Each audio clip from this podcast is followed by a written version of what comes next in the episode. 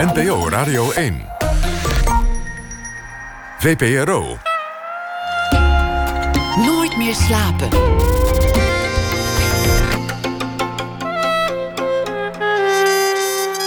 Met Elvie Tromp. Welkom bij Nooit meer slapen. Te veel briljante boeken verdwijnen in de vergetelheid. En daarom hebben wij de rubriek Lees Deze opgericht. Waarin we onterecht vergeten klassiekers de aandacht geven die ze verdienen.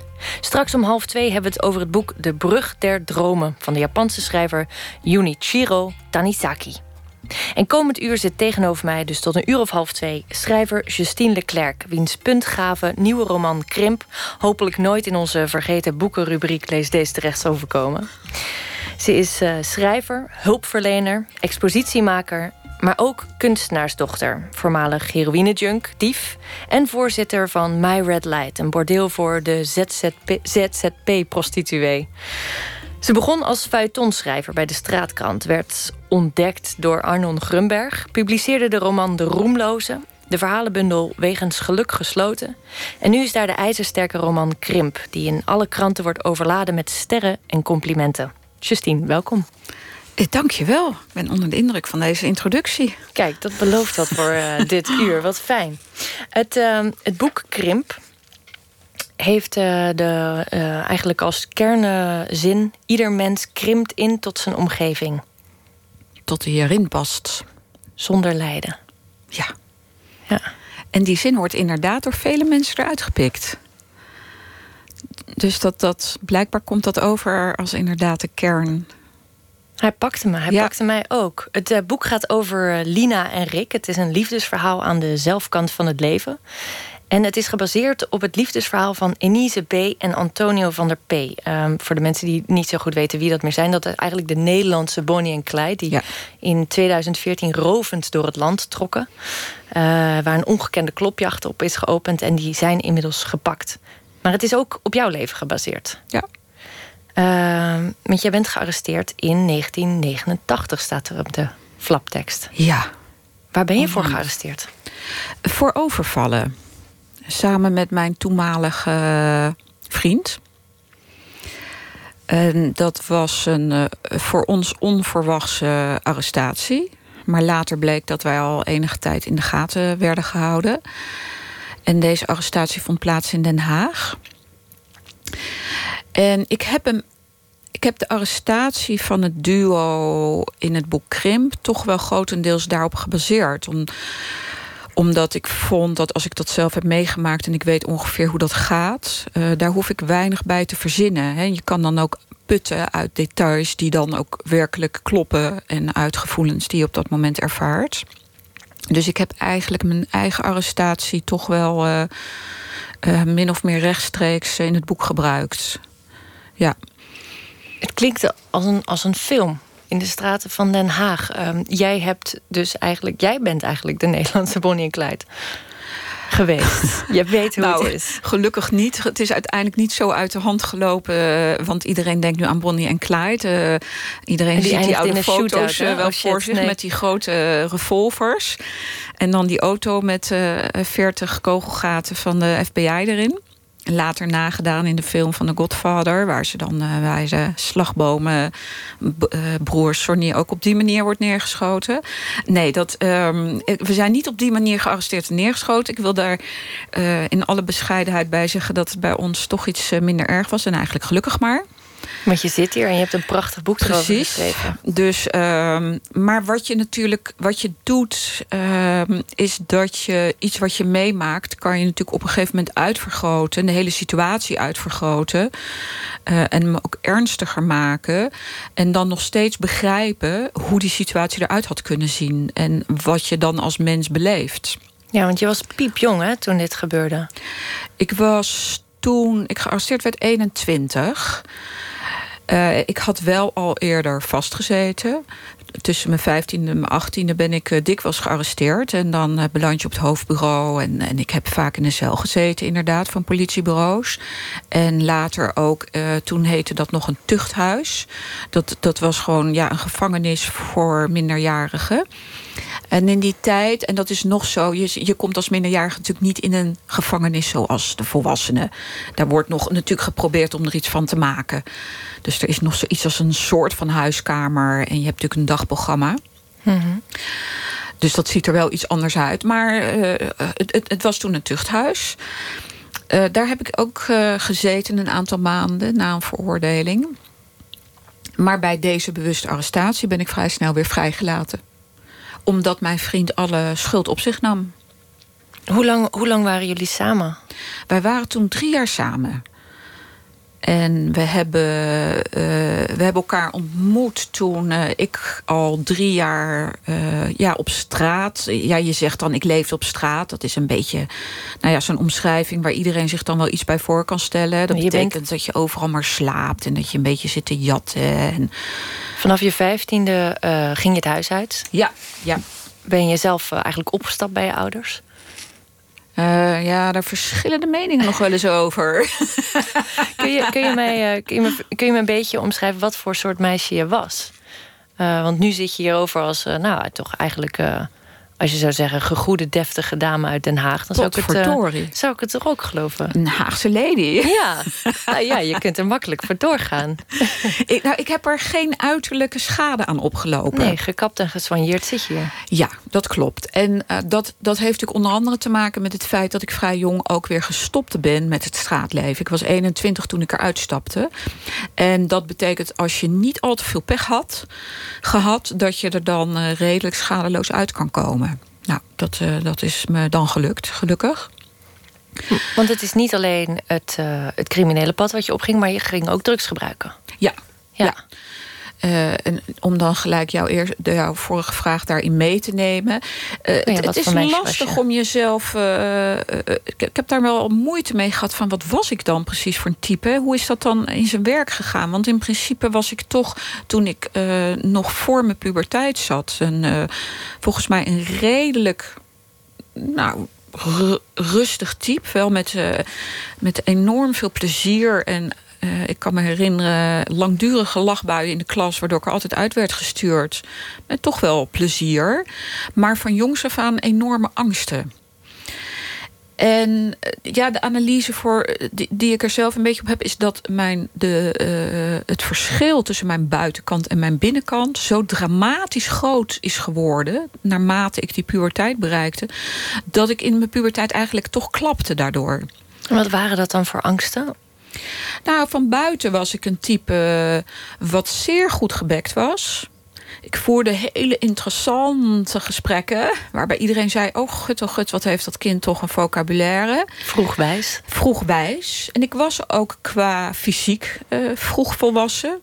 Ik had een ernstige blik uh, in de ogen. Nog steeds wel. Die botox helpt helemaal niet. Het ziet er nog steeds zeer ernstig uit. Uh, je praat natuurlijk veel na als kind. En ik had ouders die interessante gesprekken voerden. Dus ja, je, god, je, je doet dat na. Uh, maar van binnen uh, doorleefde ik dat niet. Van binnen zat eigenlijk alleen maar een typetje... wat constant met een kaboutertje in haar hoofd zat... om alles aan dat kaboutertje te vertellen... om de angsten te bezweren. Met dat kaboutertje bedoel ik dan de, de imaginaire vriendjes die kinderen ontwikkelen. Dat heb ik vrij lang gedaan... En was ik verder alleen maar bang voor alles. Bang om alleen thuis te zijn. Bang om s'nachts thuis te zijn. Uh, bang als ik uit school kwam. Uh, heel veel bang. Terwijl eigenlijk ik dat zelf niet zo benoemde en niemand dat wist. En dan groei je natuurlijk heel erg uit elkaar. Uh, als je dat jaren op die manier je beweegt in je sociale omgeving. En nou, dan komt daar die puberteit bij met allerlei hele vreemdsoortige gevoelens en ontwikkelingen. Nou, die herkennen de meeste mensen wel. Dus ik, oh, ik werd een onhandelbare puber. Ja. Maar dan klinkt het alsof je grootste nachtmerrie uh, werkelijkheid werd. Als je zo bang was om alleen te zijn, en zeker s'nachts alleen... dan is de stap om s'nachts alleen over straat te zwerven... een hele verschrikkelijke. Ja, maar daarom ging ik natuurlijk ook aan de drugs dan is het niet meer verschrikkelijk. Er is uh, niet zo fijn als een portie heroïne op zijn tijd. Uh, uh, het is zalig, je voelt niets meer. Je kan alles aan. het is daar van binnen gevuld. Hè, dat alles wat je in je lijf voelt of wat je in je geest meemaakt, is gevuld. Je hebt de liefde, de aandacht of wat voor sociale omgangsvorm dan ook niet meer nodig. God, ik kan er nog naar verlangen hoor. Dat was mijn volgende vraag. Want dat, nee, maar dat, dat schijnt zo te zijn. Als je afgekikt bent, je blijft altijd een junk. Alleen je doet er nu niks meer mee. Uh, de, nou, de eerste 10, 15 jaar nadat ik was afgekikt, vond ik dat niet. Uh, maar naarmate ik ouder word, begin ik steeds meer te beseffen dat dat inderdaad zo is. Dat je um, eigenlijk uh, is toch mijn droombeeld dat als ik straks, nou, wat zullen we doen? 67, hè? Dat is toch de pensioenleeftijd. Dat ik dan een Afghaanse veldje heb in Afghanistan waar ik mijn papavertjes verbouw. En dat ik dan iedere week een mooie levering krijg. En in plaats van een borreltje neem ik dan lekker wat morfine. Nou, fantastisch. Dat houdt me overeind. Nou ja, Tot die tijd ben ik uh, geheel onthouder. Ik, uh, ik weet zeker dat de luisteraars nu zitten te klapperen met hun oren. um, maar er zijn natuurlijk voorbeelden van mensen waar dat prima bij werkt. Jules Dilder is iemand die gewoon eerst ontbijt en dan een lijntje speed doet. En ja. dat doet hij al nou, decennia. High-functioning junkies. Ja. ja, je kan ook functioneren met drugs. Maar het vergt wel enorme discipline. En het vergt verstand. Eh, het, het, is natuurlijk bekend dat eh, in de Chinese cultuur, tot voor kort, want nu gaat dat ook niet meer op, maar dat zij eeuwenlang uh, aan de opium zaten. Maar bij hen was dat niet zozeer een verslaving. Ja, goed lichaam natuurlijk uiteindelijk wel. Maar het was een vorm, een, een, een gewoonte in hun dagelijks leven. En zij stopten bijvoorbeeld niet met eten. En het, het leidde niet tot een straatleven. Kijk, het verval zit hem in het feit dat je criminaliseert als je in Nederland drugs gebruikt. Dus dat je moet gaan stelen of wat dan ook voor criminele activiteit om genoeg geld te hebben. Uh, waardoor je ook je omgeving gaat verraden en je stopt met eten. En dat maakt dat je een zieke patiënt wordt. Maar als het je lukt om daar buiten te blijven en het net zo goed als je bruine boterham te zien, dan kan je met drugs natuurlijk uh, op zich prima leven. Je bent nu nuchter. Je gaat nu nuchter door het leven, bedoel ik. Nee, nu zie je er heel nuchter uit. Dames en heren, ik zit, buiten aan de chocomel. Zit ik hier, uh, aan ik heb chocomel. hier chocomel. Ik uh, ben nog steeds uh, verslaafd aan koffie. Mm. ik moet drie bakken koffie hebben, want anders krijg ik hoofdpijn. En ik rook één sigaret per dag. En die mag ik natuurlijk niet roken van mijn huisarts. Maar als ik hem dan vertel wat de gevolgen zullen zijn als ik die ene sigaret niet meer mag. De psychosociale gevolgen daarvan zijn zo gigantisch dat ik nu met toestemming van de huisarts een sigaret per dag mag roken.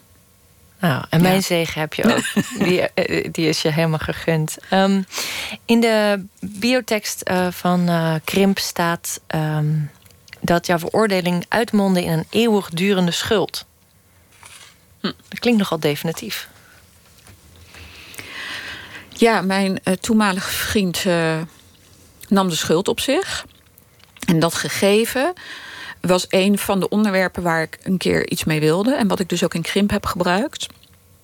Want wat betekent het als jij een paar uur later op straat staat en jouw vriend zit in de gevangenis en krijgt vervolgens een aantal jaren uh, straf? Hoeveel jaar heeft hij moeten zitten? Hij heeft uiteindelijk twee jaar gezeten. Ik meen dat hij toen vier jaar kreeg en dat dat later drie werd. En dan gaat er een derde af en dan zit je uiteindelijk twee jaar. Oh ja. Want ik heb uh, uh, gelijk twee jaar in een afkikcentrum uh, doorgebracht. En toen ik daar klaar was, kwam hij uit de gevangenis. Dus dat is ongeveer het tijdspad. Uh, ik voelde me natuurlijk. Um, kijk, op zich, op het moment dat hij vastzat, had ik ook nog het straatleven. En ging ik, hè, daar zijn natuurlijk toch wat, wat romantische regels bij. Dat je dan op bezoek gaat bij je vriend, je brengt hem zijn kleding. Je zorgt dat er geld op de rekening staat. In het begin bracht ik hem ook nog heroïne die je dan binnen moet smokkelen. Maar ik was ondertussen naar een afkikcentrum gegaan. En uh, daar hoe, vertelde ik dat wel eerlijk. Hoe, ja. hoe smokkel je uh, heroïne de gevangenis in? Zo, daar stel je me toch eens even een vraag dat ik goed in mijn geheugen moet. Uh... Hoe heb ik dat in de tijd gedaan? Ja, ja daar waren natuurlijk oh, ontzettend veel foefjes voor. Nou is het voordeel uh, ten opzichte van wiet of van hars dat het natuurlijk heel klein is. Mm. Um, het is alleen maar poeder. En heel veel hoefde je niet mee te smokkelen. Je werd natuurlijk redelijk goed gefouilleerd, maar ik heb wel het idee dat het tegenwoordig veel strenger gaat. Dat het toen toch wel iets makkelijker was. Maar ik kan me eigenlijk niet meer herinneren hoe ik dat toen gedaan heb. Nee. Het plopt nog wel weer even op. Dus het was niet meteen over? Nee, het was niet meteen over. dat kan ook niet natuurlijk. Dat, um, wij waren drie jaar lang dag en nacht met elkaar omgegaan. Het was je eerste liefde, dus dat is meestal ook uh, een intense liefde. Ja, en we, we hadden samen een leven op straat. Nou, dat betekent over het algemeen, misschien niet voor iedereen, maar in ons geval wel, vooral als je harddrugs gebruikt, betekent dat dat je eigenlijk op elkaar aangewezen bent en geen sociaal leven hebt. Over het algemeen bemoei je je niet meer met je familie. Je hebt geen vrienden. wij, wij, wij trokken van hotel naar hotel. En uh, die isolatie, dat, dat is ook wat me interesseerde om aan krimp te werken wat, wat heel moeilijk voor te stellen is voor mensen uh, in het burgermansleven, is wat isolatie en, uh, met mensen doet. Um, en dat is ook wat ik terugzag in het stel wat toen de tijd door Nederland trok in 2014, Antonio en Enise. Die uh, verstrengeling van twee personen die een eigen wereld creëren en die daarin ook voor zichzelf creëren wat oorzaak en gevolg is. Ja, een eigen wetten. Wat kan, eigen wat wetten. Kan. En wat, wat uh, wat, kijk, begrijp me goed. Wat zij hebben gedaan is ronduit vreselijk. En daar zijn mensen natuurlijk zwaar door beschadigd. Het is gebeurd. Enise heeft uh, bijzondere verklaringen afgelegd. En daarin zie je dat ook terug. Je ziet haar uitspraken doen. Bijvoorbeeld een slachtoffer die zegt... Uh, ze is afschuwelijk tegen me geweest en ze heeft me geslagen. En dat Enise dan zegt afschuwelijk... ik ben juist heel aardig geweest. Ik heb die mevrouw nog naar de wc laten gaan. En daarin zie je de wat er gebeurt als je met z'n tweeën geïsoleerd bent en je eigen wereld kan scheppen. Want in haar wereld was dat natuurlijk ook zo. Dat zij vond dat zij buitengewoon coulant met haar uh, gegijzelde dame omging. Wil je voor mij een stukje voorlezen? Een ja, fragment. ik neem even een uh, slokje chocolademelk. Ja, snap ik. Een, uh, een fragment waarin het gaat over het plegen van een overval... en wat daarbij komt kijken, wat er nodig is. Um... Kan iemand mijn bril pakken? Oh ja. Waar zit die? In je tas? In mijn tas, in het groene tasje. Oké, nou die wordt ge, door de... Ehm, dan zal ik de luisteraars gelijk mededelen dat ik op een leeftijd ben die ondertussen een uh, leesbril rechtvaardigt. De tas wordt binnengedragen. De tas wordt Hoe binnengedragen. is het nu eigenlijk met Enise B? Heb je haar ook nog gesproken als een soort voorwerk? Of? Nou, dat is een leuke vraag. Want daar heb ik natuurlijk ontzettend over nagedacht. Want in eerste instantie was dat mijn eerste impuls. Ja, dat zou ook ik mijn ga met haar praten. Ja.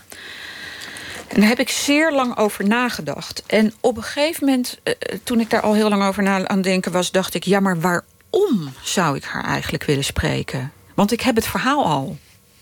Nou, dat duurde even tot ik op dat moment kwam. Omdat, maar ja, dat is dan ook een soort hang naar. Ja, wat was het voor een hang? Waarom wilde ik haar spreken? Uh, ik, had, uh, ja, ik had mijn verhaal al. Ja. En dat was dus uiteindelijk het antwoord. Dus ik heb dat niet gedaan. Uh, haar verhaal is natuurlijk ook niet het mijne. Het wil helemaal niet zeggen dat zij daar zo in staat of dat zo ervaren heeft. Ik heb de relatie van haar Antonio natuurlijk helemaal geprojecteerd zoals ik naar mijn eigen relatie van toen de tijd keek. Ik heb in de foto's die ik van hun samen zag, heb ik natuurlijk gezien wat ik zelf heb meegemaakt. Uh, dus dat gaat natuurlijk helemaal niet meer om hun. Uh, Kijk, als er nog eens een project is wat wat breder wordt getrokken over vrouwen en criminaliteit, en wat ik graag zou doen, dan zou, zou het natuurlijk heel interessant zijn om haar te spreken. Nou, daar wil ik het zo zeker ook verder over hebben, maar eerst een stukje uit. Krim. De bril is gearriveerd. Een overval doe je niet zomaar, niet met elk humeur. Je moet jezelf in een bepaalde staat brengen, in een woedende staat. En je woede moet zich niet tegen de ander keren, maar niet tegen één persoon in het bijzonder, want dan gaat het niet.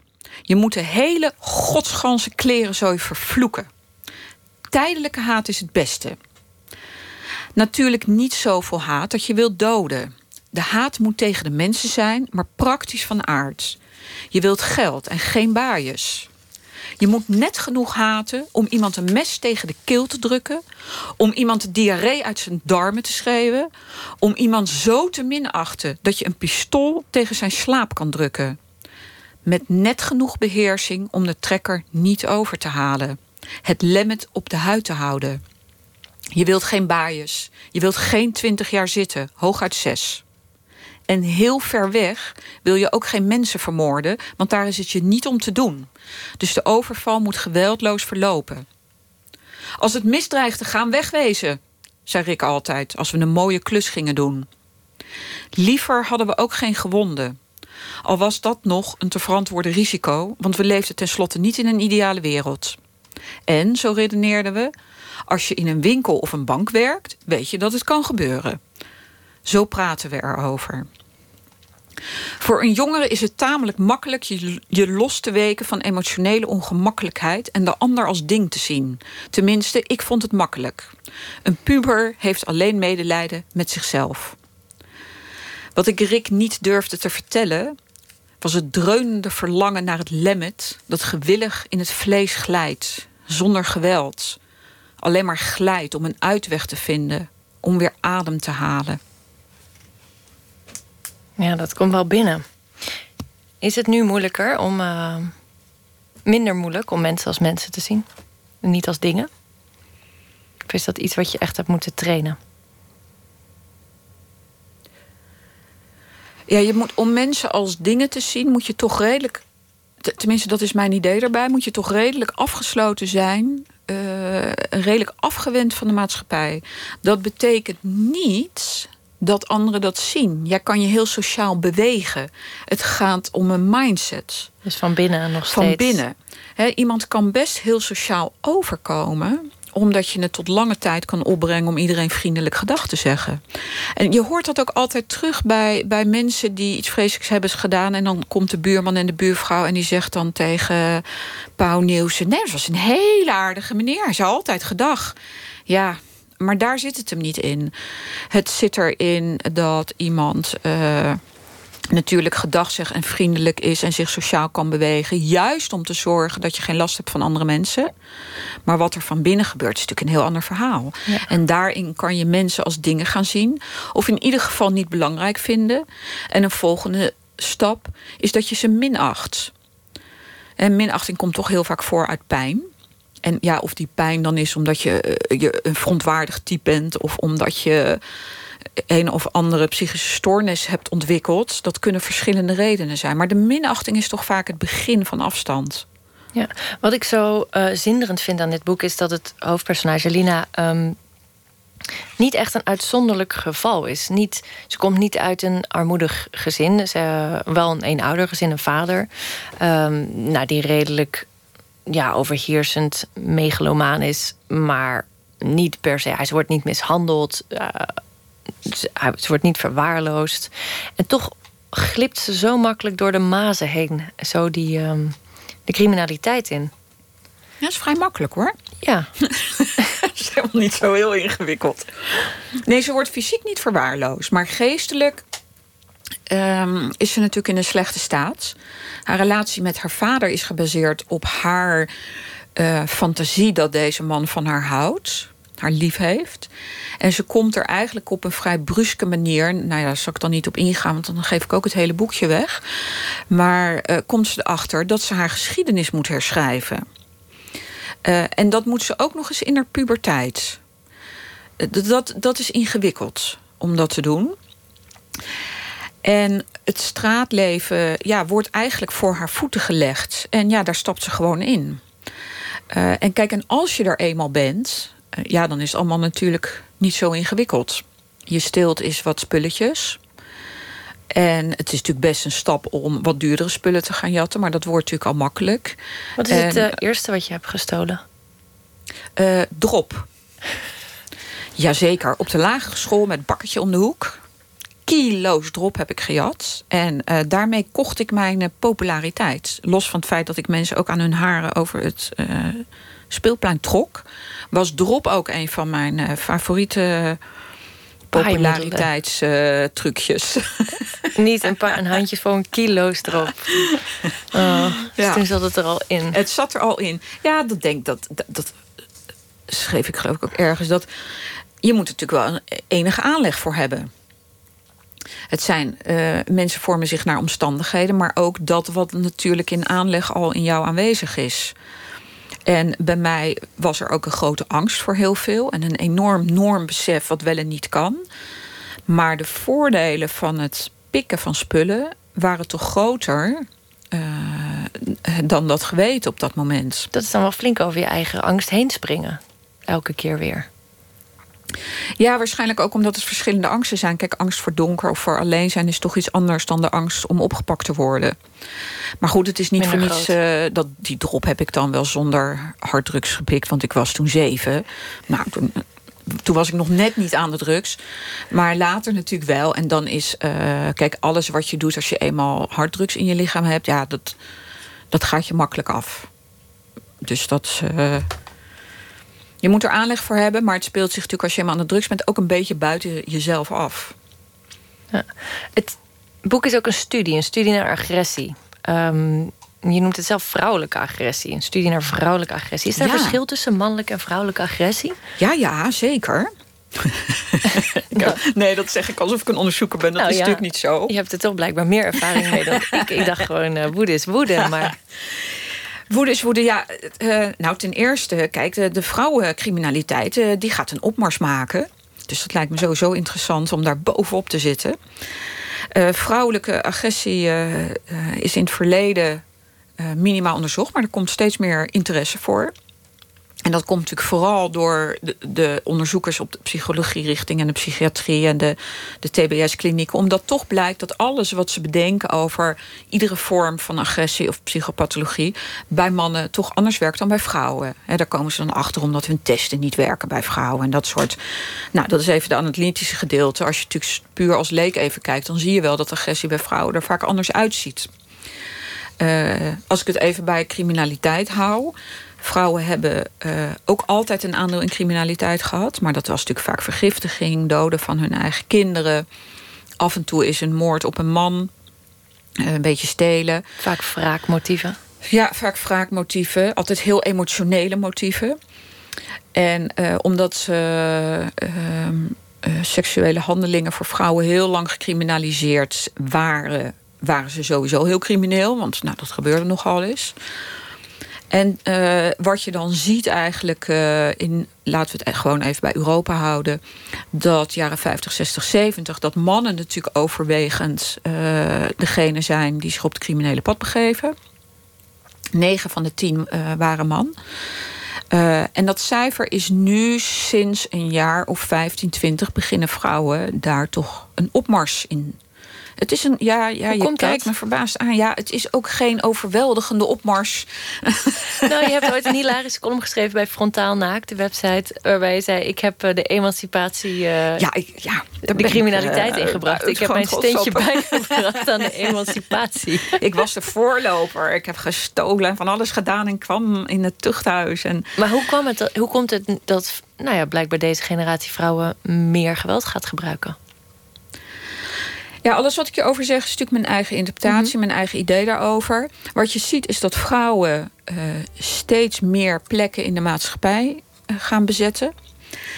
Dat ze steeds meer verschillende beroepen uitoefenen. Dat ze steeds meer vaardigheden ontwikkelen die voorheen uh, bestemd waren voor mannen. vrouwen zitten nu ook in beroepen die specifiek voor mannen zijn. ze zitten in topfuncties. Dat vereist bepaalde vaardigheden, bepaalde eigenschappen, die nu ook van jongs af aan ontwikkeld worden bij vrouwen. En de achterkant van die eigenschappen is vaak meer agressie, meer woede, meer gevoel van dat je macht wil hebben of houden. Dus ook in het geweld of in, in de criminaliteit. Nou ja, en dan is dus de vraag: eh, ehm, ga je dat op een x-moment ook zien in het criminaliteitscijfer en de manier waarop vrouwen crimineel gedrag vertonen? Straks na het nieuws praat ik verder met Justine Leclerc. En dan komen we in onze nieuwe rubriek, boekenrubriek... Lees deze meer te weten over het boek De Brug der Dromen. Maar nu eerst het nieuws van 1 uur.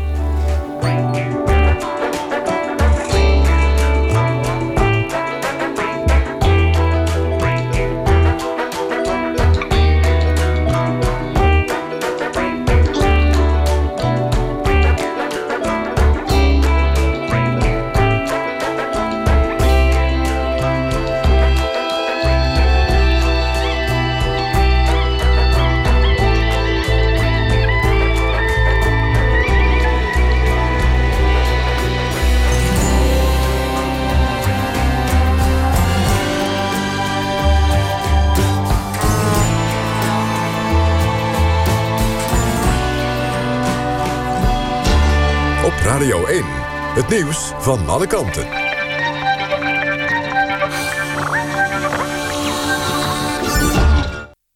1 uur, Clemens Peters met het NOS Journaal. In Chicago is Dennis Edwards, de zanger van de wereldhit Papa Was a Rolling Stone, overleden. Edwards was ten tijde van die hit in 1972 lid van de Temptations... de Amerikaanse soulgroep die in de jaren 60 en 70... de ene hit na de andere scoorde. Edwards was in 1968 de nieuwe leadzanger van de band geworden... en met hem veranderde ook de stijl van de Temptations... van een band die vooral zoete liefdesliedjes zong, zoals My Girl... in een band die de psychedelische soul omarmde. Dennis Edwards zou vandaag, zaterdag, 75 jaar zijn geworden. Minister van Binnenlandse Zaken Kajsa Ollongren heeft in Nijmegen in een lezing uitgehaald naar het Forum voor Democratie. Ze stelt dat de partij van Thierry Baudet discrimineert op ras en daarmee verder gaat dan de PVV. Ollongren wees op de uitspraken van leden van het FVD over rassenvermenging en rassenverdunning. Populisme bedreigt de kernwaarden van Nederland, zei ze. Ollongren noemde het non-discriminatieartikel in de grondwet de kern van de Nederlandse samenleving. Inwoners van Jestermar in Friesland met een uitkering... moeten aan de gemeente bewijzen dat ze geen prijs hebben gewonnen... in de postcode loterij. In het Friese dorp viel op 1 januari de hoofdprijs. De 25 uitkeringsgerechtigden in het dorp moeten hun bankafschriften opsturen. Anders worden ze gekort op een uitkering. De toon van de brief is volgens uitkeringsgerechtigden intimiderend. En de wethouder is het daar achteraf gezien mee eens. Ze belooft dat met alle mensen in Jestermar persoonlijk contact wordt opgenomen om de zaak uit te praten. In de Eredivisie is vanavond één wedstrijd gespeeld. Vitesse versloeg thuis in Arnhem FC Groningen met 2-0. En de doelpunten werden al in de eerste helft gescoord... door Miatska en Mount. Het weer. De wind neemt af en landinwaarts blijft het vrijwel droog... met soms brede opklaringen. Aan de kust valt een enkele bui. De minima vannacht van 2 graden aan zee tot min 1 in het binnenland. Plaatselijk kan het dan ook glad worden. Morgen wolkenvelden, hier en daar zon en een winterse bui. Het wordt dan een graad of 5. Dit was het NOS Journaal. NPO Radio 1. VPRO. Nooit meer slapen.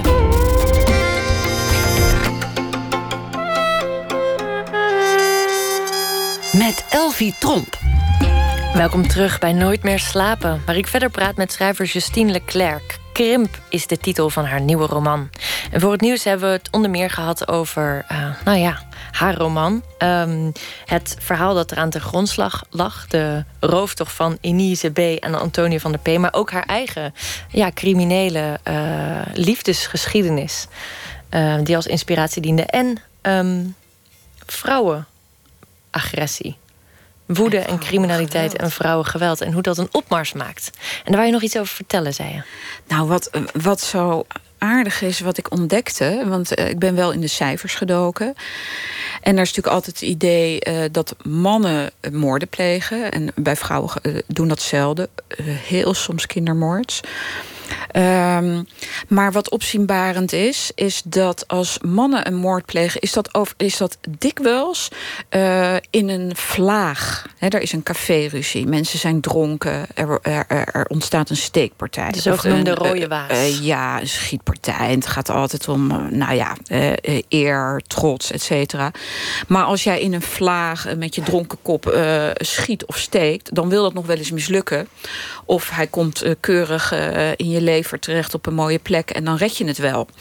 Als je kijkt naar de cijfers van uh, vrouwen die uh, moorden, of een doodslag dan zie je dat vrouwen hun woede en hun agressie opbouwen. En dat als zij eenmaal besluiten dat er uh, nu echt het moment is aangebroken dat iemand dood moet, dat het dan ook gebeurt. Dus het, de kans uh, voor de ander om daar nog onderuit te komen is nihil. Dus de slachtoffers van vrouwen uh, zijn ook daadwerkelijk dan overleden. Dus uh, een, een moordaanslag bij een man kan je overleven. Maar de moordaanslag van een vrouw overleef je nooit. Nou, dat is toch een aardig cijfer. Je kijkt er heel vrolijk bij. Maar ik word een beetje bang. Het is ook al donker buiten. Ik, ik wilde dit vooral voor de mannelijke luisteraars. Be warned. Er zit ook een, eh, een heel mooi pleidooi. Uh, want uh, het hoofdpersonage Line die, die kapt heel resoluut met dat leven. En die gaat een leven opbouwen. En, met een opleiding en een baan. En, uh, Een nette baan. En ehm, dan houdt ze een pleidooi bij haar collega's om ehm, verkrachters op te wachten en eigenlijk Nou ja, hetzelfde aan te doen. Ja, een, een, woedige, woedende menigte. En ehm, niemand uh, is het met haar eens. Nee, ze wordt daar niet uh, in gehoord.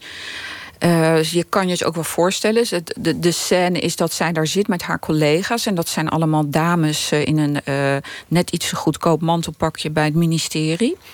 Allemaal beleidsmedewerkers, wat toch vaak vrouwen zijn. En uh, ze hebben een, uh, een studiedag op de hei met van die geeltjes waar je dan kreten op zet met elkaar. En ze gaan omdenken. Want er moet natuurlijk een frisse wind door de afdeling. En ze mogen dus een pleidooi houden uh, om om te denken. En zij houdt een wervelend pleidooi om vanaf nu niet meer te accepteren dat er geweld wordt gebruikt tegen vrouwen of dat ze verkracht worden. En voortaan gewoon met een horde vrouwen naar zo'n man toe te gaan en hem met zijn kop in de pleet te duwen. En dan uh, uh, de halve verdrinkingsdood. En uh, dat voortaan iedere man het dan uit zijn kop zal laten. Ja, we weten nu wel dat de overlevingskansen dan niet heel zijn voor de man. Die informatie had ik al gegeven. ik snap wel dat er afkeurend naar wordt gekeken. Ja, je, ja daar, daar zal toch een groep dames niet echt uh, uh, goed op reageren. Ook, en, en, en dat aspect zit er ook in.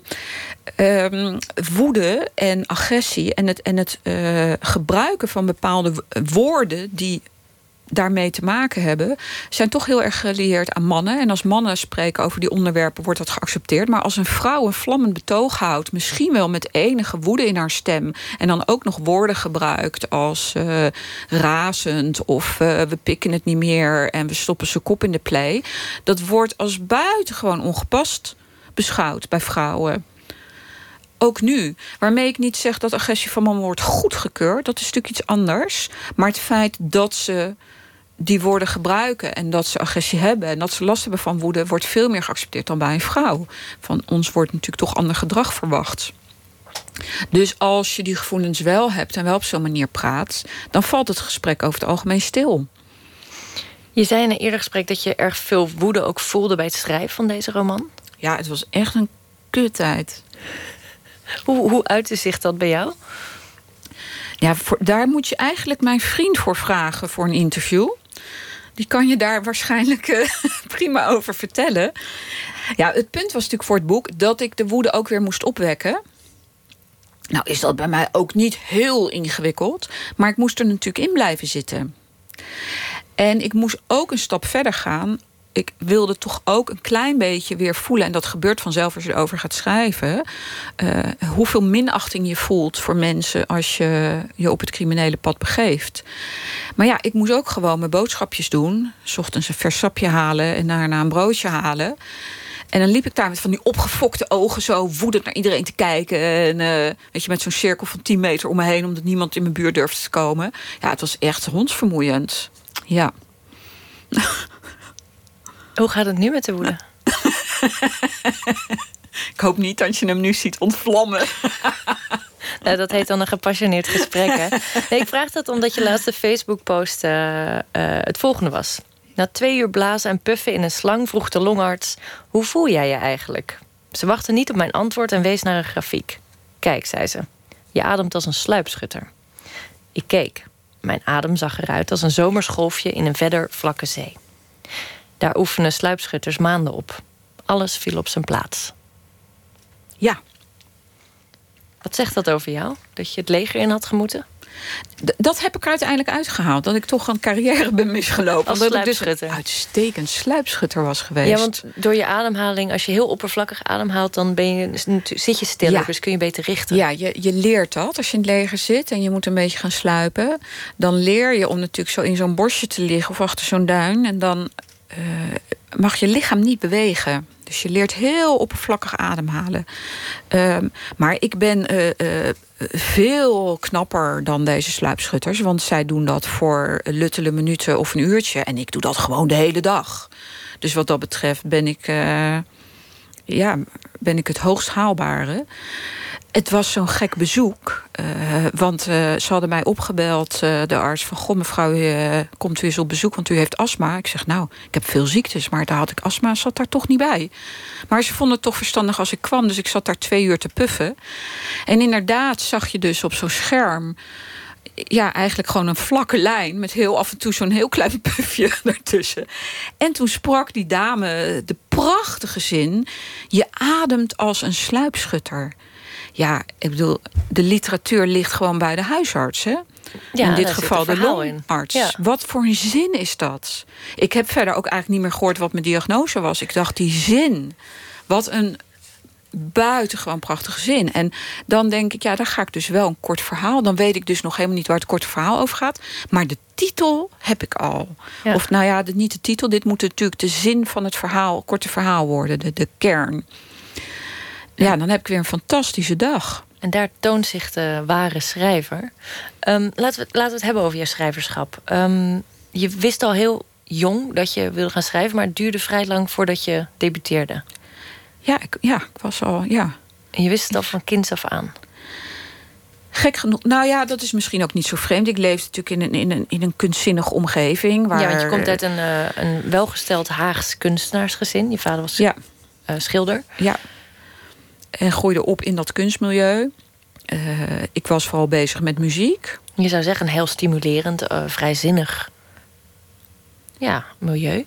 Ja, en voor veel zal dat ook zo geweest zijn. Uh, al heeft een recensent ook wel eens geschreven... je kan de Amsterdamse grachten dempen met al die kunstenaarskinderen... waarmee het slecht is afgelopen. Nou, dat geldt ook voor de Haagse kunstenaarskinderen. Uh, maar op zich natuurlijk een, een milieu vol met cultuur, ontwikkeling. Je kon alle kanten op. Uh, ik schreef gewoon voor school, je opstelletjes en je korte verhaaltjes. En de ene keer kreeg ik een 9,5 en de andere keer een 4. En dat was toen al fascinerend. Dat, dat één verhaal kon leiden... ook tussen een woordenwisseling van Nederlandse docenten. Dat waren verschillende docenten dan? Ja, en, en daar was toen al discussie over... of het nou eigenlijk heel goed was of gewoon echt heel slecht. en dat vond ik toen al fascinerend. Uh, want men, ja, dat, ik, ik kon ook naar achter gaan zitten, want die mensen gingen discussiëren en die waren daar buiten gewoon fel over. Dus ik was er al vrij snel uit dat dat toch wel iets is wat ik wilde gaan doen. Uh, maar ik ben eerst enorm gaan leven. Want leven en schrijven kan ik niet tegelijk. Dus ik ben eerst, nou ja, gewoon decennia gaan leven. Ja, en dan op dag dacht ik, oh, ja, misschien... misschien moet ik wel een beetje haast gaan maken nu... want ik heb ook niet het eeuwige leven. Nee, nee, nee. Um, de meeste schrijvers beginnen hun carrière bij een literair tijdschrift. Jij begon met een feuilleton bij het straatnieuws. Hoe kwam je daar terecht? Nou ja, los dat, het, dat ik dat nogal gepast vond hadden wij in die tijd, ook nog steeds trouwens, dat straatnieuws. Dat is dus een krant die wordt uh, verkocht door uh, dak- en thuislozen. En in Den Haag was dat krantje toen de tijd gewoon echt een hele goede krant. Uh, dus uh, ik kocht die altijd. En ik was daar uh, vol lof over. Er stonden buitengewoon leuke artikelen in. Goede columns. Dus dat was helemaal niet iets van... nou wil ik niet publiceren. Daar wilde ik dolgraag publiceren. En het was niet zo dat ik nou dacht... ik stuur mijn verhalen naar een literair tijdschrift of zo. Ik heb dat eerst naar de redactie gestuurd. Van het Haagse Straatnieuws. En daar ben ik begonnen. En dat deed je drie jaar. Wat, wat bracht je dat? Uh, een buitengewoon mooie ontmoeting met Alf Berens, die daar op de redactie werkte. Hij uh, was, want hij is inmiddels overleden. Hij was zo'n man die uh, minimaal tien keer beter kon schrijven dan ik. Maar helaas niet de eigenschappen had om, dat, om, om het te laten slagen om naar een uitgever te gaan. En dan al die andere eigenschappen die je nodig hebt hè, om dat te laten lukken. Want ja, je kan wel goed kunnen schrijven, maar dan ben je er nog niet. Um, maar hij is wel zo ruimhartig geweest om mij uh, op weg te helpen. Uh, samen met Elke Zwart, die toen hoofdredacteur was van de krant. Ik kreeg 750 woorden. En ik schreef een feuilleton over Julia en haar zoontje. En het, ja, het goede daarvan was dat een 750 woorden weinig is. Terwijl je natuurlijk heel veel wil vertellen. Je wilt spannend maken, je wil dat er veel gebeurt. Nou ja, dan maakte ik dus een column van 2000 of 3000 woorden. En dan moest ik gaan schrappen. net zo lang tot ik 750 woorden precies had. En ik toch een sterk uh, en beklijvend verhaal had. Nou, dat is een leerschool. Die kan geen enkele schrijfschool je geven. dat is fantastisch. Nee, en toen um, deed je een masterclass bij Arnon Grunberg. Ik deed een masterclass bij uitgeverij Querido. Hm. En die hadden, um, dus het zit iets anders in elkaar. Dan, dan kwam je daar acht keer, meen ik, of zes, dat, dat weet ik even niet meer. En Arnon Grunberg kwam daar uh, een les geven. En nou, van Grunberg weet je dan dat hij alles komt doen behalve een les geven. Dus wij werden op een rondvaartboot uh, gekieperd. Ik heb nog een reispilletje ingenomen. Want ik dacht, maar god, straks rijdt hij met onze uh, het IJsselmeer op. Je weet het nooit met die man. Dus die angsten die zijn er nog wel. Begrijp nou, wel als hij in de buurt is. ja, is dat geen uh, warme band geworden tussen jullie? ik denk dat een warme band en de heer Arnon Grunberg... nou niet precies in één zin hoorden. Oh, jullie worden wel vergeleken qua stijl? Ja, ja. ja. Zie je dat zelf ook zo of zeg je nou wel onzin? nee, natuurlijk. Natuurlijk, want uh, dat kan niet anders. Want ik heb ook al zijn werk gelezen. Tenminste, al het werk bedoel ik dan van toen ik begon te schrijven. En dat is inmiddels zeven jaar geleden. En het, ik heb absoluut van hem geleerd. Wat ik uh, van hem geleerd is, heb, is uh, de manier van ironie.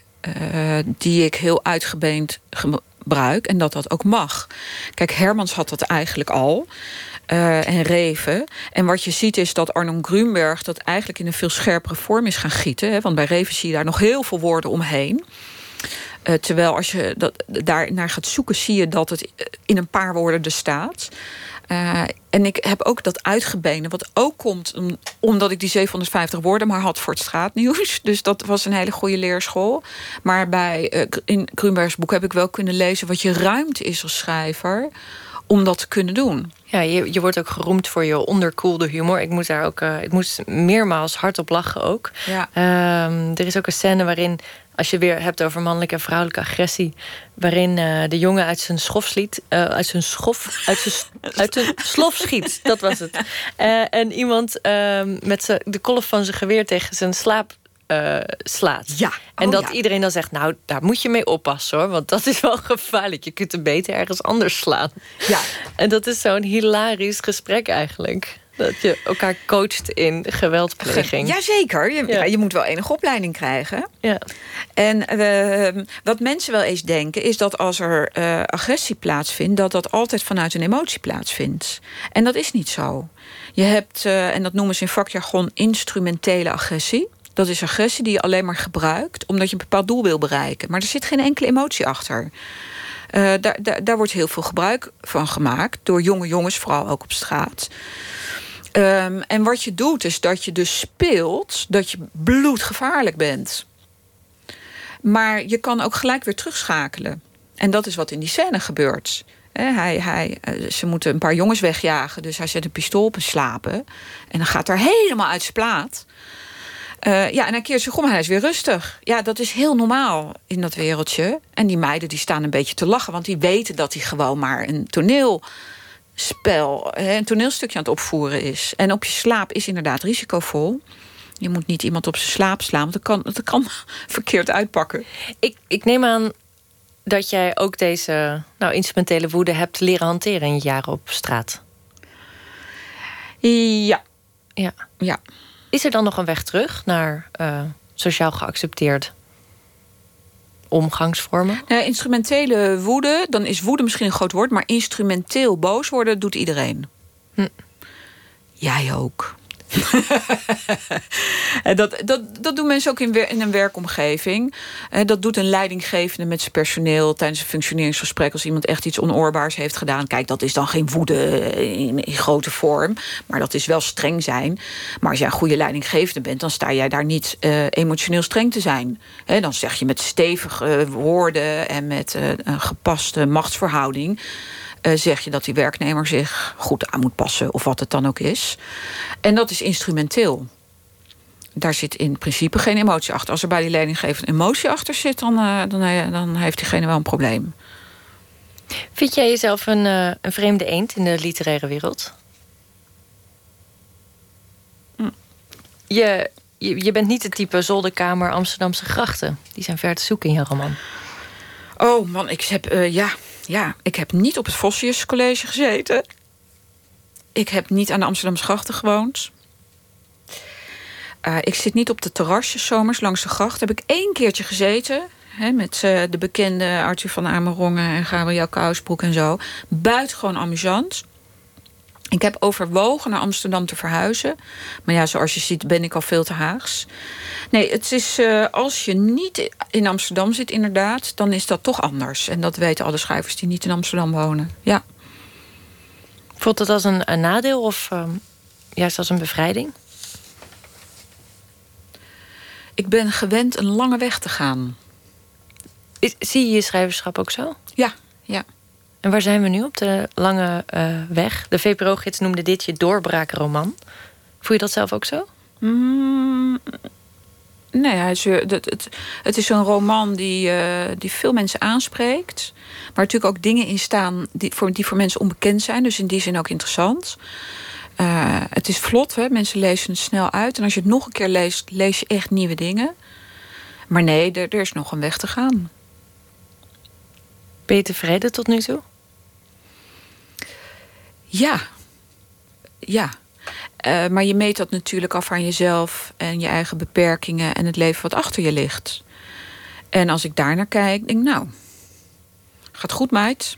Ja, ja, zo, ja zeker. Ja. Nou, ik, ik, um, ik zeg het omdat er ook vaak schrijvers zijn die na, na het schrijven van een roman uh, in een depressie vallen of denken: was dit het nou? Weet je, zo hard gewerkt voor iets. En... Oh, maar ik ben altijd depressief. Dus dat, dat is niet aan mijn boeken gelieerd. Ik ben dikwijls depressief. Dus of ik nou wel of niet schrijf, dus dat maakt niks uit. Je lacht er heel hard bij. ja, het is, het is toch ook vrij komisch. Dat je depressief bent? Ja, ook dat is een vreemd verschijnsel. Uh, dat, je, dat je een leven hebt wat van uh, geluk en voorspoed aan elkaar hangt. Zoals zoveel in de westerse wereld. En dat we massaal uh, regelmatig in een depressie vervallen. Een beetje oorlog zou helpen. Om dingen weer in perspectief te zetten. Ja, mensen schijnen in een oorlog geen, geen last te hebben van een depressie. Dan heb je wel iets anders te doen. Dus het is een welvaartsziekte. Zeg je dat ook tegen jezelf als jij er last van hebt? Oh nee, god, en daar heb je ook echt helemaal niks aan. Want het is verschrikkelijk om erin te zitten. Nee, dat is natuurlijk, het is, het is niet iets om mee te, mee te spelen op dat moment. Nee, nee. zeer zeker niet. Je schrijft er ook heel openhartig over. Um, ik las een column waarin je vertelt over acute zelfmoordneigingen die je hebt ja, gehad. En dat ja. je echt naar de crisisopvang moest. Kun je, kun je me meenemen naar zo'n moment als een totale leek die dat niet weet hoe dat voelt? Nou, dat vind ik nog steeds heel ingewikkeld. Uh, en dat, dat zie ik ook aan andere onderwerpen. Als ik eenmaal over onderwerpen kan spreken of schrijven, dan is dat vaak toch heel lang geleden. Nu is dit ondertussen ook een jaar of zes geleden. Maar het is zo moeilijk om woorden te vinden. Uh, en toch wil ik dat ooit wel kunnen. En waarom? Omdat mijn zelfmoordneigingen geweest zijn op een manier waar ik nauwelijks iets over lees in de literatuur. Kijk, je hebt de echte geplande zelfmoord, waarbij mensen ook daadwerkelijk zorgen dat alles op een bepaalde manier achterblijft. En die, die, die, met een vooruitziende blik uh, plannen ze dat. En er is een zelfmoord die zo plotseling is, waar mensen zo uh, brusk achterblijven, wat niemand had aanzien komen. Joost Zwagerman is daar een voorbeeld van. Nou, Joost Zwagerman en Wim Brands. En dat jaar dat zij allebei uh, in die periode wegvielen... Uh, en ik toevallig net in die periode ook in een depressie zat... Heb ik dat ook als vreselijk ervaren. Omdat de angst om dat zelf ook te doen heel groot was. Ik heb twee keer meegemaakt dat er iets misging in mijn hersens. Ik, en, en er ging gewoon iets mis. En hoe lang duurde dat? Dat duurde een aantal minuten. En in die minuten uh, ging het zo verschrikkelijk mis dat er, dat er ook. Het gekke, ja, er was ook niks meer. Mensen zeggen dan, ja, denk aan je familie of aan je vrienden. Nee, maar die zijn er dan helemaal niet. Het punt is dat er helemaal geen toekomst is. En er is eigenlijk maar één gedachte en dat is, ik wil er nu vanaf. Dus je ervaart ook geen fysiek meer. Ik ervaarde geen enkele andere emotie. Ik ervaarde geen wereld om me heen. Ik ervaarde alleen maar, het moet nu voorbij zijn, nu. En de eerste keer dat ik dat meewak, was ik heel toevallig om de hoek bij een ziekenhuis. Dus ik ben gewoon, ik, ben, ik heb me naar de eerste hulp gesleept. Ehm, maar had ik op een balkon gestaan. En je hoort sprongen. Ja, dan was ik gesprongen. Het is, het is zo'n absurd moment, maar ik kan niet anders concluderen, want het is helemaal niet iets wat ik wilde. Snap je? Dat is het, dat is het verschrikkelijke. Je wil dat helemaal niet. Maar er gaat iets mis in je hoofd. Het lijkt me dan heel moeilijk om nog te vertrouwen op je lichaam. Ja, dat, ja. En daar ben ik ook bang voor. Ik ben behoorlijk bang dat ik per ongeluk zelfmoord pleeg. Ja, zelfdoding, er is altijd een discussie over dat woord. Maar goed, op het moment dat je het doet terwijl je het eigenlijk niet wil, vind ik het toch zelfmoord. Dus ik gebruik dan even dit woord. Uh, ja, daar heb ik een behoorlijke angst voor ontwikkeld. Vooral toen ik ook zag dat. Ergens had ik het gevoel dat het bij, bij, bij Joost Zwageman en Wim Brands ook zo ging. En dat weet ik helemaal niet. Maar vooral bij Joost had ik dat gevoel heel sterk. Dat het, dat het in zo'n moment is gegaan dat het misging in zijn hoofd. Ja, ze hadden wel al langer depressieve klachten, maar het was niet onhoudbaar of. Nee, nee. On, uh, als een uh, onuitzichtelijke. En het kan. Je, je hoort soms ook verhalen van mensen die totaal onbegrijpelijk zelfmoord hebben gepleegd. Je hebt gezegd um, dat het bij jou altijd opkomt in de lente, de depressie. Ja. Dat je slecht op lichtveranderingen. Ja. Ja. En ik was het aan het voorbereiden, dit gesprek, en ik hoorde de vogels fluiten. oh, help. en ik vroeg me af, hoe gaat het nu met je? Nou, je hebt natuurlijk de typische winterdepressies. Uh, maar uh, de lente, bij mij begint het vaak zo uh, half februari. Um, en ik heb ooit lichttherapie gehad. En nou ja, laat ik zeggen, dat heb ik twee keer gedaan voor zo'n lichtbak gezeten. En toen, je hebt uh, mensen die daar allergisch op reageren. Helaas was ik er daar één van. En dat betekent eigenlijk dat je door de hoeveelheid van licht... een soort van psychotische reactie in je hoofd krijgt. Die houdt dan een paar uur aan en dan stopt het. Uh, dat is vrij naar om daar doorheen te gaan. En dat is eigenlijk wat er gebeurt uh, als de lente aanbreekt. Dus op het moment, ik zit op een gegeven moment in een depressie... dan begint die lente, dan, het gaat om het zonlicht... om uh, de dagen die heel lang worden. En dan kom ik eigenlijk in een soort week, soms twee weken... waarin ik die verwarring die ik ook met die lichtbak had... dat die dan ontstaat. Maar goed, die duurt dan dagen, dagen, dagen. Ja, die, en die moet je dan wel even doorzien te komen... want dat is een vrij chaotische periode in je hoofd. Omdat je daadwerkelijk niet meer verder wil. Uh, en er zijn, ja, dat, er zijn meer mensen die dat inderdaad juist als die lente aanbreekt, terwijl je daar zo naar smacht. Ja, eindelijk uh, licht, warmte. Ja, ja. maar goed, maar, ik heb wel geleerd om die weken door te komen. Ja. En dit jaar nog niet aangebroken? Het is nog niet aangebroken. Nee, laten we daar dan uh, mee afronden dat dat nog niet is aangebroken. Nou, gelukkig, gelukkig. Want er moet nog een fantastisch oeuvre geschreven worden. Ja, ja dat ligt er Want nog. dit is dus slechts het begin. Ben je, ben je iemand die, eh, die, die veel gepland al heeft? Of is het nu gewoon weer even kijken wat er komt? Ik plan ongeveer per jaar. Ja, ik doe alles heel projectmatig. Dus ik weet, komende half jaar ga ik dit doen. En dan het half jaar daarna daar. Dat niet voor jaren, want dan heb ik toch een te benauwd gevoel. Maar ik ben redelijk planmatig. Hoe ja. ziet het komende half jaar eruit? Het komende half jaar ben ik bezig met My Red Light. Uh, daar uh, heb ik een bestuursfunctie en er moet heel veel gebeuren. Het eerste dus bordeel gerund voor en door sekswerkers. Exact. Ja. In Amsterdam. Dus af en toe zit ik op een Amsterdamse gracht op een terrasje. Toch. nou, ik hoop dat we daar dan, uh, als de zomer is aangebroken... en we zijn de lente doorgekomen, oh, ja. daar kunnen toosten. Ik wil je heel erg bedanken voor je komst. Dank je wel, Justine Leclerc. Dank je wel, Elfie.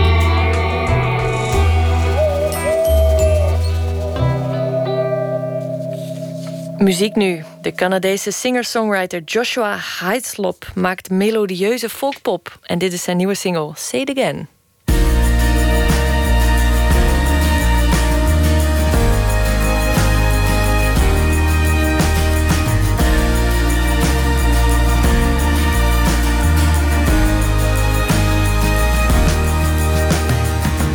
Say it again, say it again. it again. Say it again to my face in the end. Oh, in the end, if I don't believe it in the end, should I fall from grace? Well, I don't know how to bring myself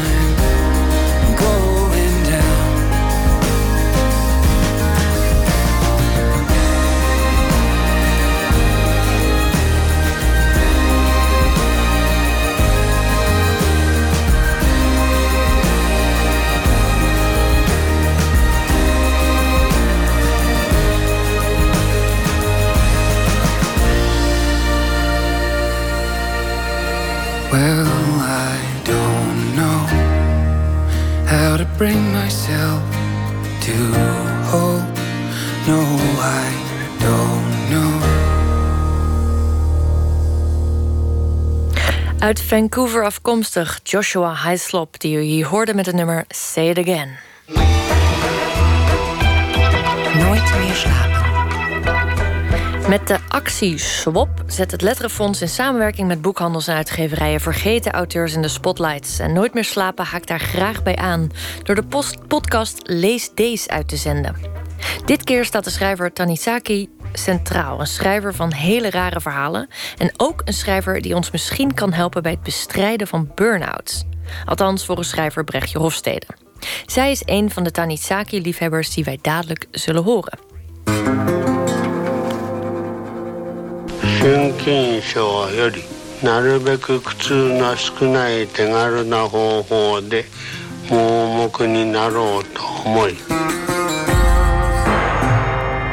Dit is de stem van Junichiro Tanizaki. Die leest uit zijn novelle Shunkin, een schets. Geschreven in 1933. Tanizaki, die in 1965 overleed, hij was toen bijna 80... en die gezien wordt als een van de grootste Japanse schrijvers.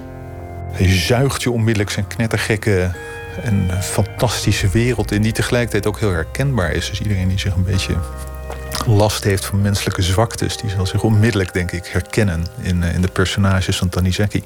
Aldus de Leidse hoogleraar Letteren en Culturen van Japan, Ivo Smits. U luistert naar Lees Deze, een podcast van de VPRO en de actie Swap... over bijzondere boeken die de top 10 meestal niet halen. Ik ben Anton de Goede. In deze podcast behandel ik boeken van schrijvers... die rijp zijn om herontdekt te worden. En daartoe rekenen we zeker Tanizaki... die een prachtig oeuvre schreef van fictie en van beroemd geworden essays... En die zijn nu te vinden in de bloemlezing De Brug der Dromen. Zou Tanizaki zijn land nog herkennen? Het beeld dat hij oproept is sober en streng. Elegantie is frigide, schrijft hij. Schrijfster Brechtje Hofstede die reisde door Japan met het essay Lof der Schaduw op zak. Welke rol Tanizaki daarbij speelde, horen we straks. Eerst nu Mara van Vlijmen, actrice en een van de mensen van het toneelgezelschap De Warme Winkel, dat een speciale Tanizaki-voorstelling maakte. Nou ja, ik heb denk ik uh, acht boeken of zo gelezen voor de voorstelling. En ik, dus Lof daar Schaduw, dat blijft een lievelings. En De Sleutel, maar ook, uh, hoe heet dat rare boek? Heb jij dat ook gelezen? Uh, met die hoofden, afhak. Het geheim van de heer van Musashi. Dat is echt een heel, als je het zegt over het zijn rare boeken. Ja, dat, dat, dat is een, een, een krijger, die, een, jonge jongen. Die krijgt een soort fetish. Want dus als een samurai een, een hoofd afhakt, dan neemt hij die als trofee mee. En er zijn dan een soort verzorgingsmeisjes die uh, die trofeehoofden heel mooi gaan kammen en schoonmaken. En um, dat doen ze dan s'avonds. En dan kruipt hij uit zijn bed. En dan gaat hij zo stiekem gaat hij kijken hoe die meisjes heel ferm, maar toch zacht en keurig uh, die afgehakte hoofden helemaal gaan verzorgen en balsemen en zo. En dan krijgt hij een soort. Dat, tot in detail beschrijft hij dat. En daar heeft hij, krijgt hij een soort fetish voor. Vooral hoe, de, hoe één meisje met een hele strakke mond heel hard zijn haar borstelt. Mm maar dat, dat, ja, dat is pagina's lang, wordt dat heel minutieus beschreven. En dat is, ja, zoiets uh, had ik nog nooit gelezen.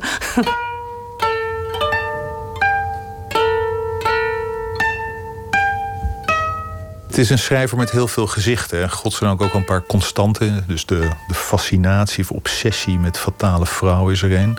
En een van die fatale vrouwen is zijn eigen moeder. Het is wel een van de weinige schrijvers die ik ken, samen met Standaal, die heel uh, open en bijna gênant schrijven over hun, hun fysieke hunkering naar hun eigen moeder. Dat is wel, uh, en dat, dat tekent, denk ik, Tanizaki in heel veel opzichten. Het zorgt er trouwens ook wel voor dat niet elke Japanner nou even enthousiast is over Tanizaki als cultureel ambassadeur voor de Japanse literatuur. Het is toch een beetje een heikele punten af en toe.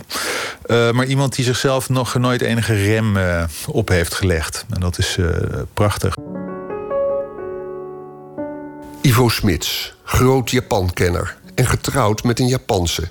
Als geen ander is hij in staat Tanizaki bij ons te introduceren. Hij is iemand die in de jaren tien van de 20e eeuw door is gebroken in de literatuur als een van de, de decadente en diabolische schrijvers. Dus helemaal à la um, nou, beïnvloed door zeg Baudelaire, maar ook Edgar Allan Poe-achtige stukken. Rare, vreemde, fantastische verhalen door mensen die geobsedeerd zijn. Dus zijn eerste beroemde verhaal is De Tatoeëerder.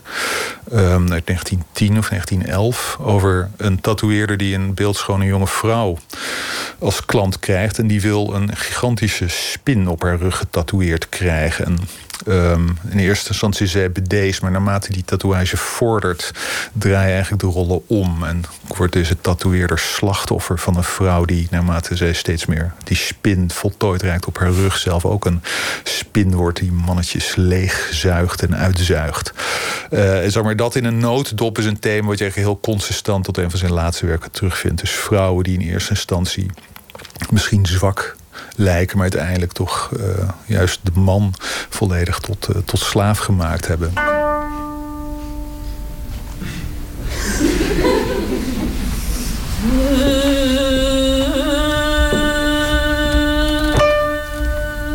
Nou, dit noemen we oeuvre-stukken.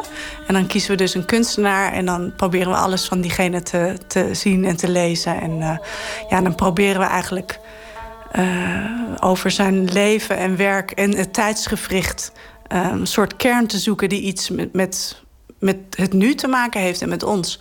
Ja, je zou eigenlijk kunnen zeggen dat het uh, een ode aan het mysterie is geworden. Of aan het, het, het dubbelzinnige, aan het geheimzinnige. En ik vind dat wel heel, ja, echt een, een mooi ding in dit tijdsgevricht. bij Lof ter Schaduw gaat het natuurlijk heel erg over Um, ja, dus lof ter schaduw, de titel zegt het al.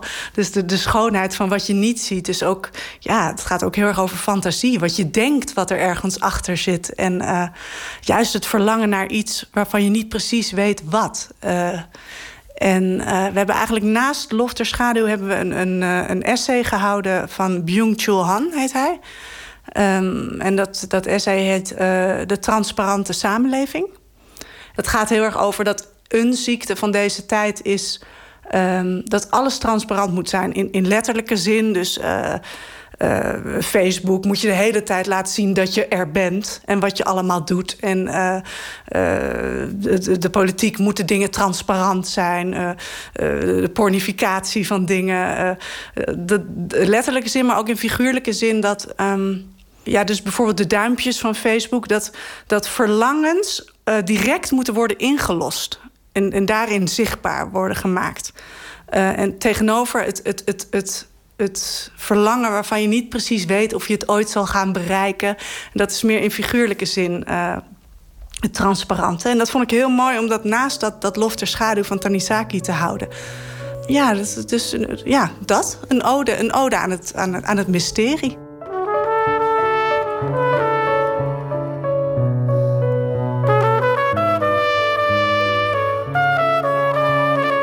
De schrijfster Brechtje Hofstede publiceerde recent een essaybundel waarin ze openhartig schrijft over een ervaren burn-out. Ook zij werd geraakt door Tanizaki. Zij trok een paar weken door Japan met niet veel meer in de tas dan Tanizaki's essay dat ook Mara van Vlijmen zo raakte: Lofzang op de schaduw. Wat Hofstede inspireerde tot het verhaal De Erker, waaruit nu een fragment. Zou Tanizaki zijn land nog herkennen? Het beeld dat hij oproept is sober en streng. Elegantie is frigide, schrijft hij. Zijn Japan bestaat uit nuances, schemering en stilte zo compleet dat je het zoomen van een mug zou kunnen horen. Hij bezingt het understatement, de zachte stem, de pauzes, het matte oppervlak als typisch Japans. En hij beklaagt zich over het oprukken van de westerse stijl en elektrische lampen. Eén van zulke vuurballen, schrijft hij, zou volstaan om de ruimte te verlichten. Maar toch branden er drie of vier aan het plafond. En er zijn kleinere versies op de muren en pilaren die geen enkel ander doel dienen dan om elk restje schaduw te verbannen. En dus is de kamer schaduwloos.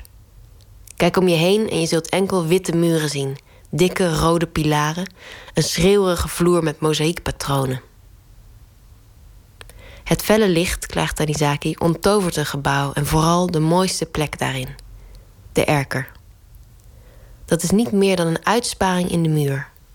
Kaalgelaten of hoogstens versierd met een rol kalligrafie of een enkele vaas bloemen direct op de grond geplaatst. En toch bezinkt Tanizaki deze schemerige leegte als een mysterieuze plek waar je in stilte op wilt houden.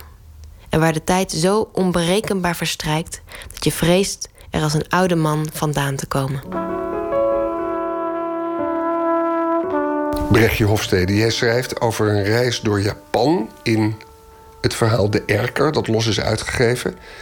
Uh, en je bent daar in Japan en als enig boek op zak is dat een essay van Tanizaki. Hoe kwam dat? Dat ik alleen dat boek bij me had, kwam omdat mijn uh, tas zoek was geraakt op de vlucht. En ik was erg nerveus sowieso. Het was mijn eerste lange reis. Ik was alleen. Uh, en toen was dus mijn koffer verdwenen. Dus ik had alleen mijn dagrugzakje met dat essay.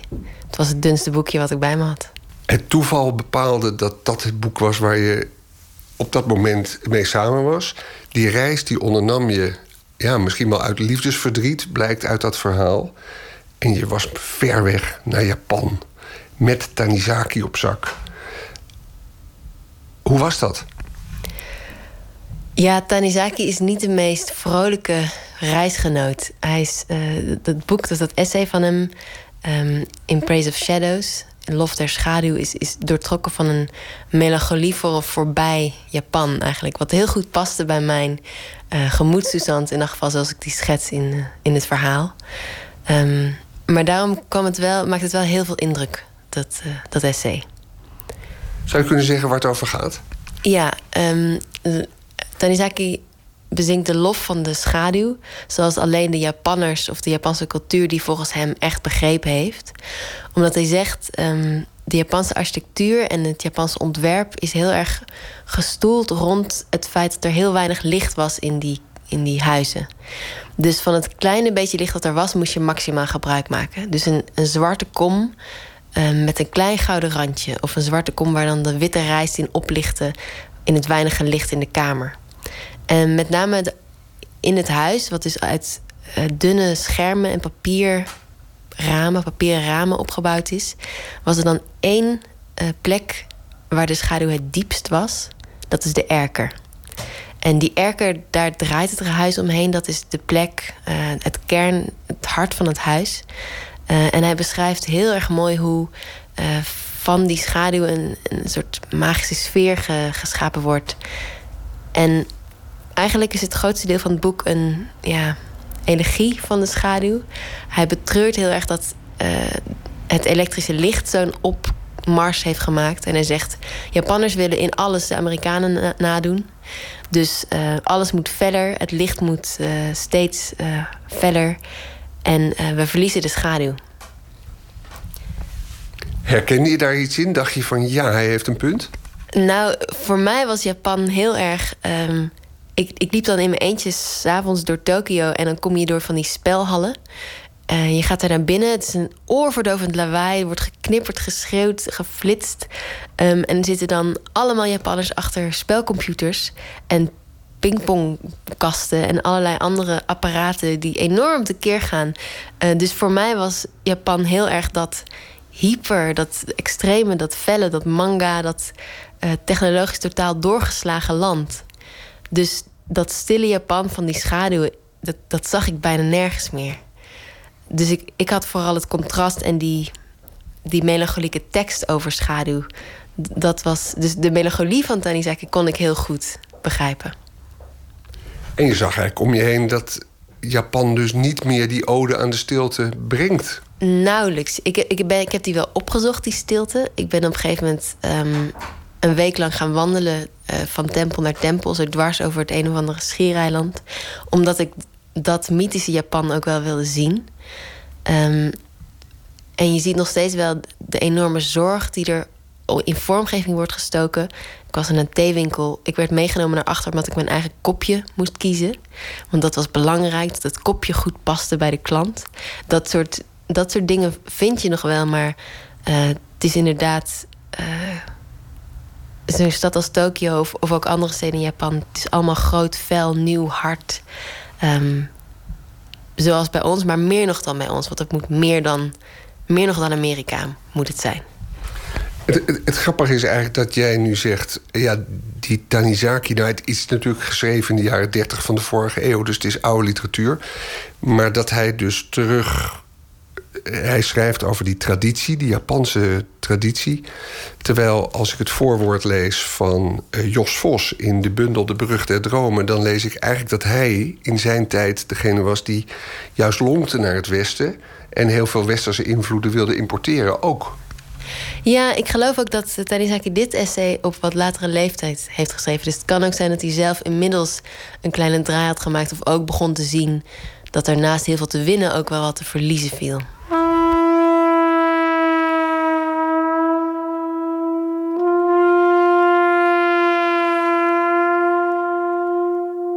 Je hebt een roman geschreven en je hebt een boek geschreven waarop staat dat het over burn-out gaat. Een aantal stukken gaan over burn-out. Met dat in je achterhoofd, als je denkt aan mensen die nu uh, gebukt gaan onder een burn-out, valt er iets te leren bij Tanizaki in dat opzicht? Ja, zeker. Hij, hij verbindt zijn kritiek op het licht, of ja, zijn, zijn liefde voor de schaduw, specifiek ook met de wens om het Westen te imiteren. En dan met name de westerse impuls Um, omdat het steeds meer, steeds harder moet. Dus hij zegt: The Western man never ceases to search for a brighter light. De westerse mens wil altijd een nog feller licht. En um, dat kun je natuurlijk zien als metafoor of symbool voor uh, de problemen die wij nu hebben met, met veel mensen met burn-out. En die problemen heeft Japan ook heel erg. En ik weet niet of die zijn overgenomen of dat die sowieso op een andere manier in Japan al onder de oppervlakte lagen. Maar toen ik daar rondreisde, was er net het uh, verhaal van een jonge vrouw, zo'n jonge succesvolle vrouw in een of ander groot reclamebedrijf die uh, zelfmoord had gepleegd vanuit uitputting. En er is een speciaal, is een Japans woord voor, voor je doodwerken, basically.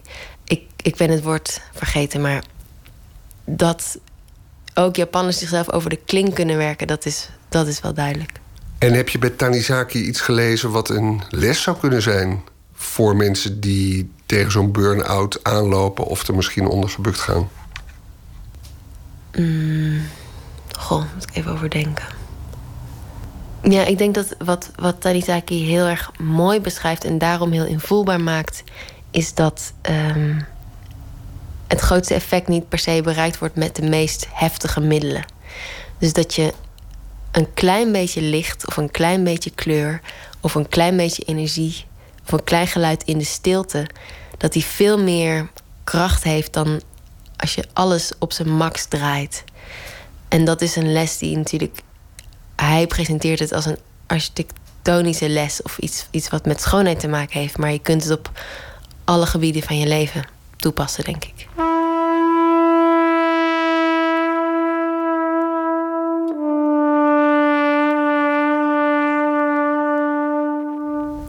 Ik las ergens, ik weet niet of dat een citaat van jou is of uit je boekje. Ik heb, ik heb opgeschreven: voortdurend aanspraak doen op ons hoofd.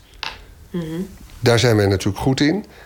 Uh, een burn-out is niet een gebrek aan brandstof, maar een gebrek aan leegte. Ja, um, dat is een citaat uit mijn essaybundel, inderdaad. De herontdekking van het lichaam.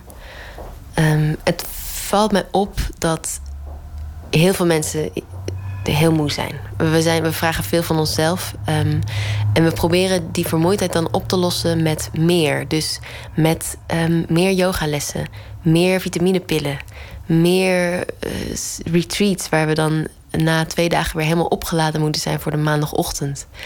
Uh, dat is natuurlijk aantrekkelijk, het idee dat je met meer moeite zo snel mogelijk hersteld kan zijn. Um, maar ik denk dat het een doodlopende weg is, want we zijn al overvoerd.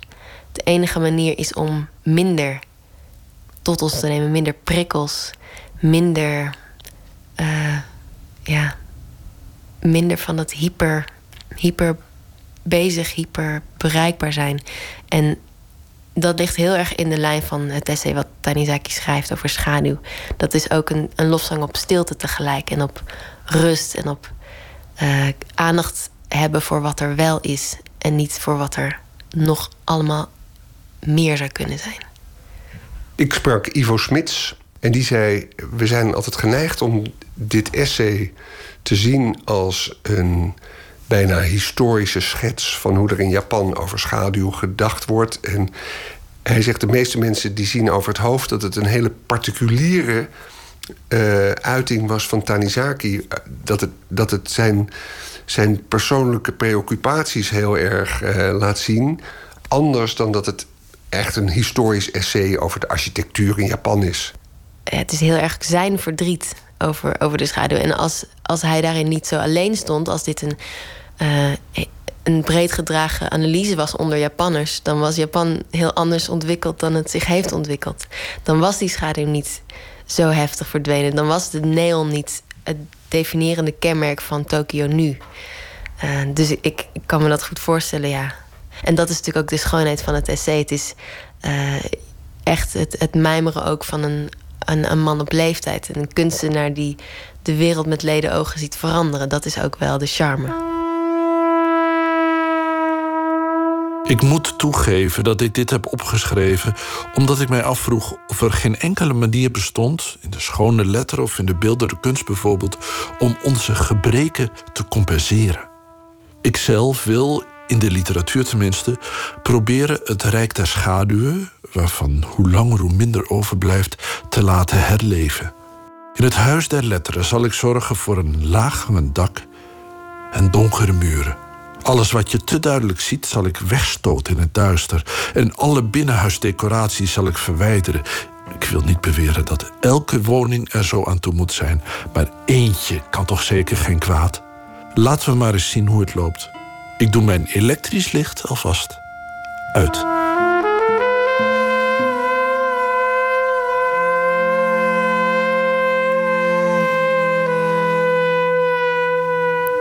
U hoorde liefhebbers van het werk van Junichiro Tanizaki in gesprek met Anton de Goede. De podcast Lees Deze is te vinden via vpro.nl/slash leesdees.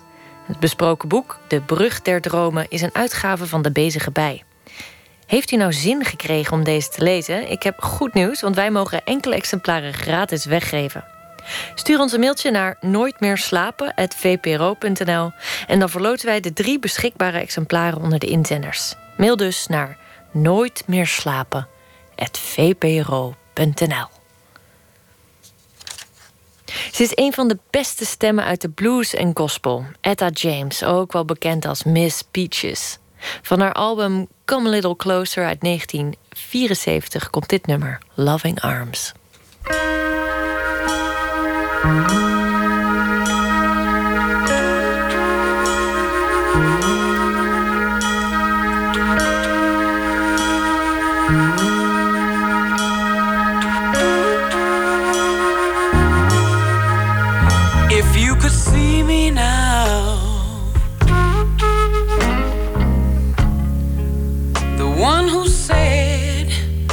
That she'd rather roam.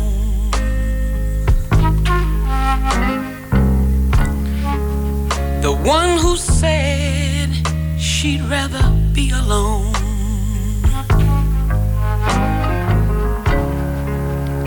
If you could only see me now. If I could hold you now. Just for a moment. If I could really make you mine.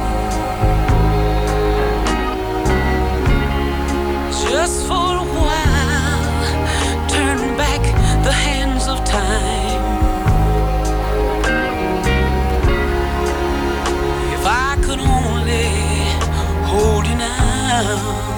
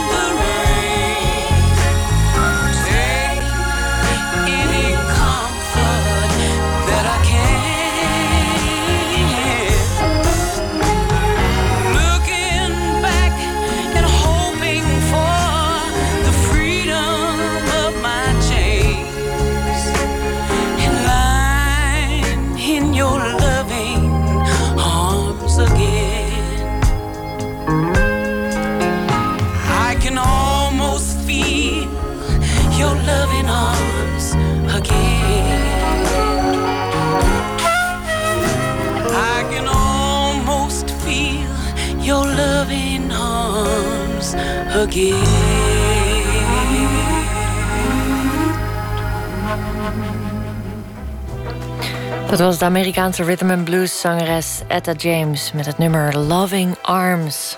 Ik ga u bijna verlaten, maar volgende week zit Pieter van der Wielen hier weer. En ditmaal met rapper, acteur en presentator Aquasi. Op zijn veertiende begon hij met rappen en richtte de Nederlandstalige rapformatie Zwart Licht op.